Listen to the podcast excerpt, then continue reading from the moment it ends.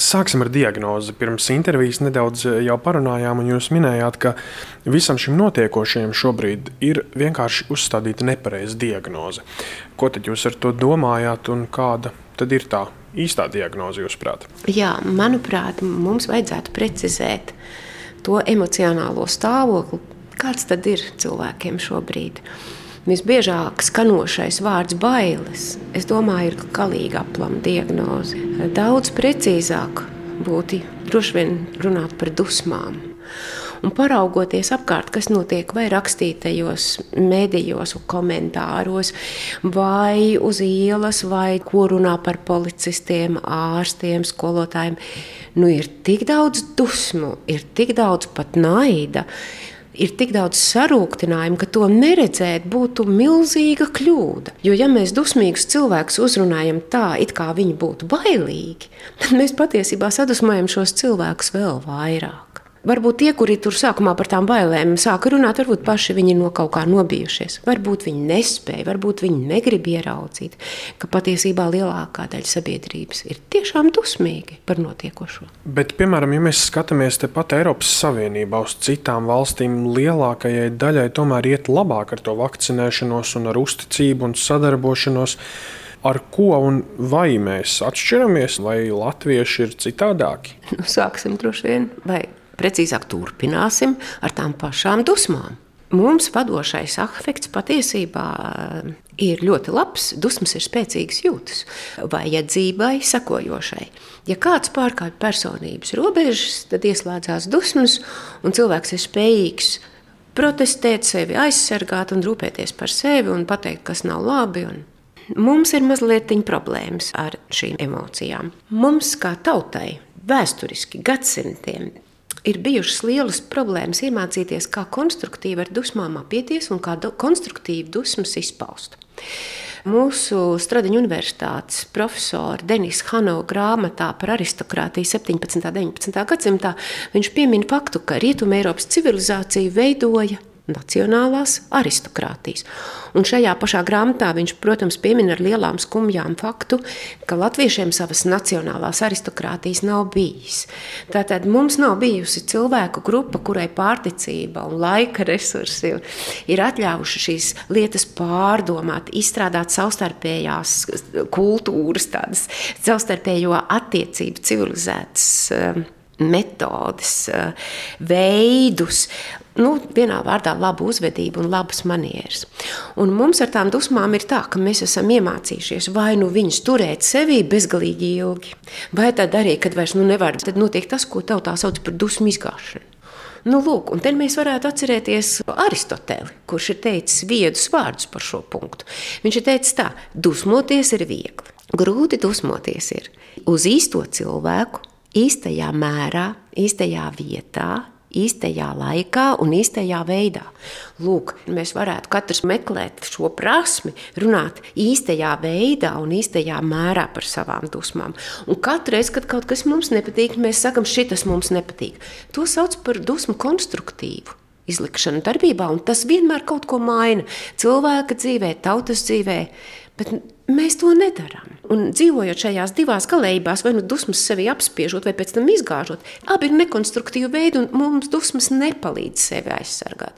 Un rezultātā iznāk, ka mums ir tādas specifiskas dusmas kā tautai, kas izriet no bezspēcības, bezpalīdzības izjūtas, no dziļa izmisuma, sarūktinājuma, aizvainojuma, no sajūtas, ka nu, lietas kā notiek ir dikti nepatiesi un netaisnīgi un, kā bērni saka, negodīgi notiekošas. Un kopā ar tām dusmām veidojās tāds ļoti rigīds emociju komplekts, ar kuru eh, cilvēkiem, kas vada valsti, tikt galā ir diezgan sarežģīti.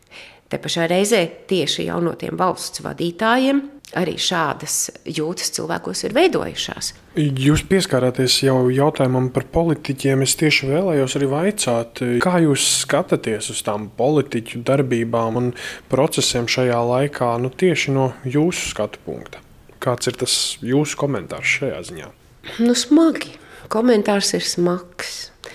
Daļa politiķu ir tādi mazi bērni, es teiktu, infantīli. Nu, viena no infantilitātes pazīmēm ir nespēja uzņemties atbildību. Viņi vienmēr atrod kādu, ko vainot. Pat situācijās, kur, kur diskusijas vienkārši nav iespējamas. Nu, piemēram, vesels gads iet kā pandēmija, veselības ministrs šaubās, vai pirkt vai nepirkt vakcīnas, un, un cilvēkiem no ārzemēm ir jāiejaucas, un premjerministram ir jāiejaucas, kad Latvijas veselības ministrija negrib pirkt vakcīnas vai šaubās vai pirkt vakcīnas. Nu, tas ir tāds klasisks piemērs, kas velk sev līdzi ne tikai šo nevēlēšanos uzņemties atbildību jau tādā nevairs viena cilvēka, bet nu, jau plašākā līmenī. Jo, ja viņiem būtu gribēšana uzņemties atbildību, tad viņi ielikt cilvēkus, kam ir ārsta izglītība vai kāda cita izglītība, nu, vai vismaz veselais saprāts veselības ministra vietā. Ne? Un mēs nebūtu tajā situācijā, kur mēs esam šodien. Jo tas, ka ministrei bija šaubas par to, vai pirkt vakcīnas, iedeva milzīgi šķērsu, aplamu ziņu sabiedrībai, ka par to ir iespējams šaubīties. Un tie pirmie iespaidi cilvēkos ieguļās visdziļāk.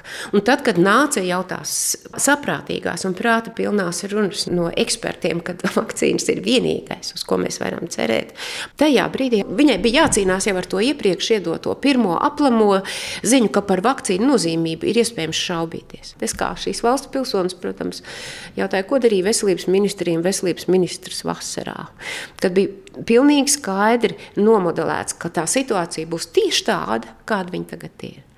Nu, tagad mēģina savu atbildību uzlikt uz ārstiem, tagad nu, mobilizēs tā kā kara apstākļos. Māsas mobilizē. Kur ir tie ārsti un kur ir tās māsas, ko mobilizēt? Un šī steigā un neprātā un tādā bērnišķīgā rīcībā te ir um, viens ārkārtīgi nopietns jautājums, kas netiek nemaz cilāts, un tas ir par kvalitāti. Savā ziņā paldies Covidusam, kas parāda, cik mēs esam viegliprātīgi vadījuši savu valsti 30 gadus, un cik mēs tomēr esam daudz ko vēl nesasnieguši, un cik mums daudz kas ir jāsasniedz. Un tas noved pie nākamās domas, manuprāt, cik svarīgi mums ir sakārtot varbūt to vienu no pirmajiem jautājumiem par vienotas nācijas, vienotu apzināšanos, vienotu sevis apzināšanos, ka mēs meklējam, ar ko mēs varētu lepoties, ja jau mēs esam cilvēki, kas šeit dzīvojam. Un eh, runājot jau atkal par tādu individuālo līmeni šajā situācijā, atkal ir mājasēde, atkal ir ierobežojumi arī tiem, kur ir izdarījuši visu un vakcinējušies. Kā jūs redzat šo otro periodu, kad tas viss notiek atkal? Tas ir smagāk nekā pirmajā reizē. Tas tiek uztverts citādāk. Un, protams, ka tā ir smagāka situācija. Mēs jau varam lielas grūtības izturēt, ja tās nav pārāk ilgstošas. Lielākā daļa mēs tiekam ar visādām problēmām ļoti labi galā. Bet tiklīdz tā situācija ieilgst, tad cilvēks smeļ no savām rezervēm un smeļ no savām rezervēm, nu cik, cik ir ko smelt. Un vienā brīdī viņš ir izdedzis, pārguris, tādas jūtas parādās kā izmisums, bezcerība, bezpalīdzība, dzīves jēgas zudums, krīt cilvēka pašcieņa un pašvērtējums. Es, es nesaprotu, kas notiek. Es nespēju pieņemt lēmumu, es nespēju būt izlēmīgs vai izlēmīgs, jo informācija ir tik daudz un dažāda. Un man pietrūkst zināšanu, un tad es skatos, kuri tie gudrie cilvēki, uz kuru viedokļus varētu paļauties. Bet gudros cilvēkus mēs esam drusciņi nopļāvuši. Mēs esam padarījuši situāciju tādu, ka katra viedoklis ir vienādi nozīmīgs. Un šajā situācijā pazaudējuši eksperta viedokļus. Līdz ar to paši sevi ielikuši slazdā. Ja mēs meklējam gudru cilvēku, ekspertu domas, man viņas nav iespējams atrast. Jo katram ir savs viedoklis, un katrs to diezgan nikni aizstāv. Un te ir tās saskaldīšanās un sadalīšanās mazajās grupiņās, kas ved izmisumā un destrukcijā, un pie kāda laba rezultāta nevar novest. Un vai mēs varam runāt arī par kādām fundamentālām, tādām lielām izmaiņām, ko sabiedrība varbūt izdzīvo arī šīs pandēmijas dēļ? Varbūt mēs kaut ko iegūstam no šī visa. Domāju, ka sabiedrība iegūst. Mēs esam iegūšanas procesā. Viena lieta, ko mēs iegūstam, ir prasme apieties ar dažādām datorprogrammām, lai sazinātos un sastrādātos tiešsaistē. Mēs apgūstam ļoti svarīgas tehnoloģijas, kas mums noderēs nākotnē neapšaubāmi.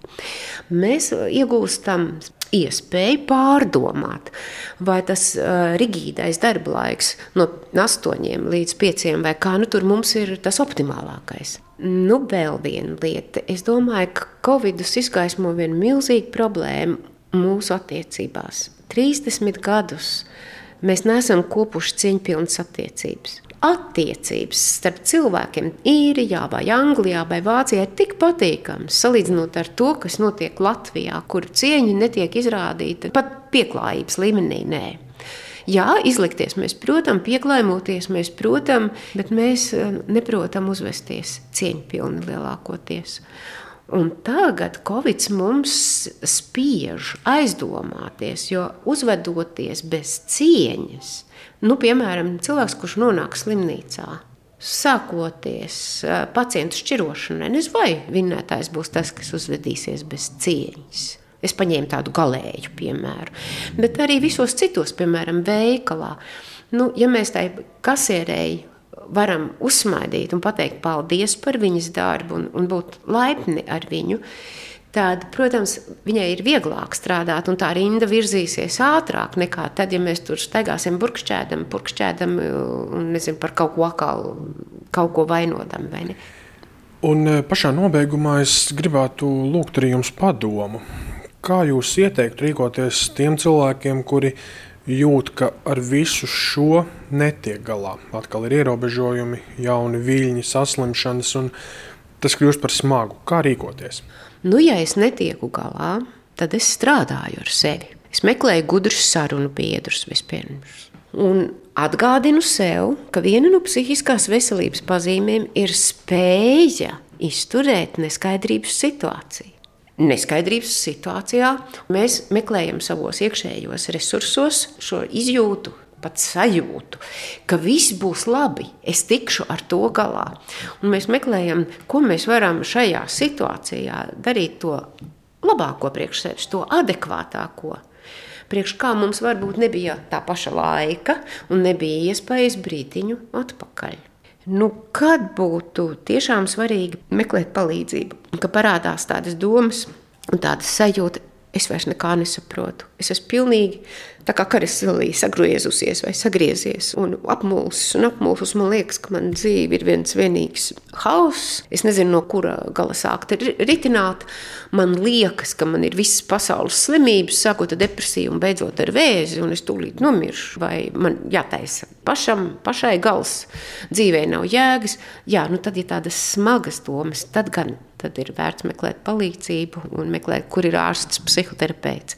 Nu, vienu sarunu. Tādu nopietnu, protams, var lūgt arī draugam vai draudzenei. Ja ir forši vecāki, tad vecākiem var būt vai brāļiem vai māsām. Bet svarīgi saprast vienu lietu, ka katram ir pašam savas grūtības risināmas. Un neviens nav piedzimis, lai risinātu otru grūtības. Tāpēc brāļus, un draugus, un māsas, un visus radus un draugus.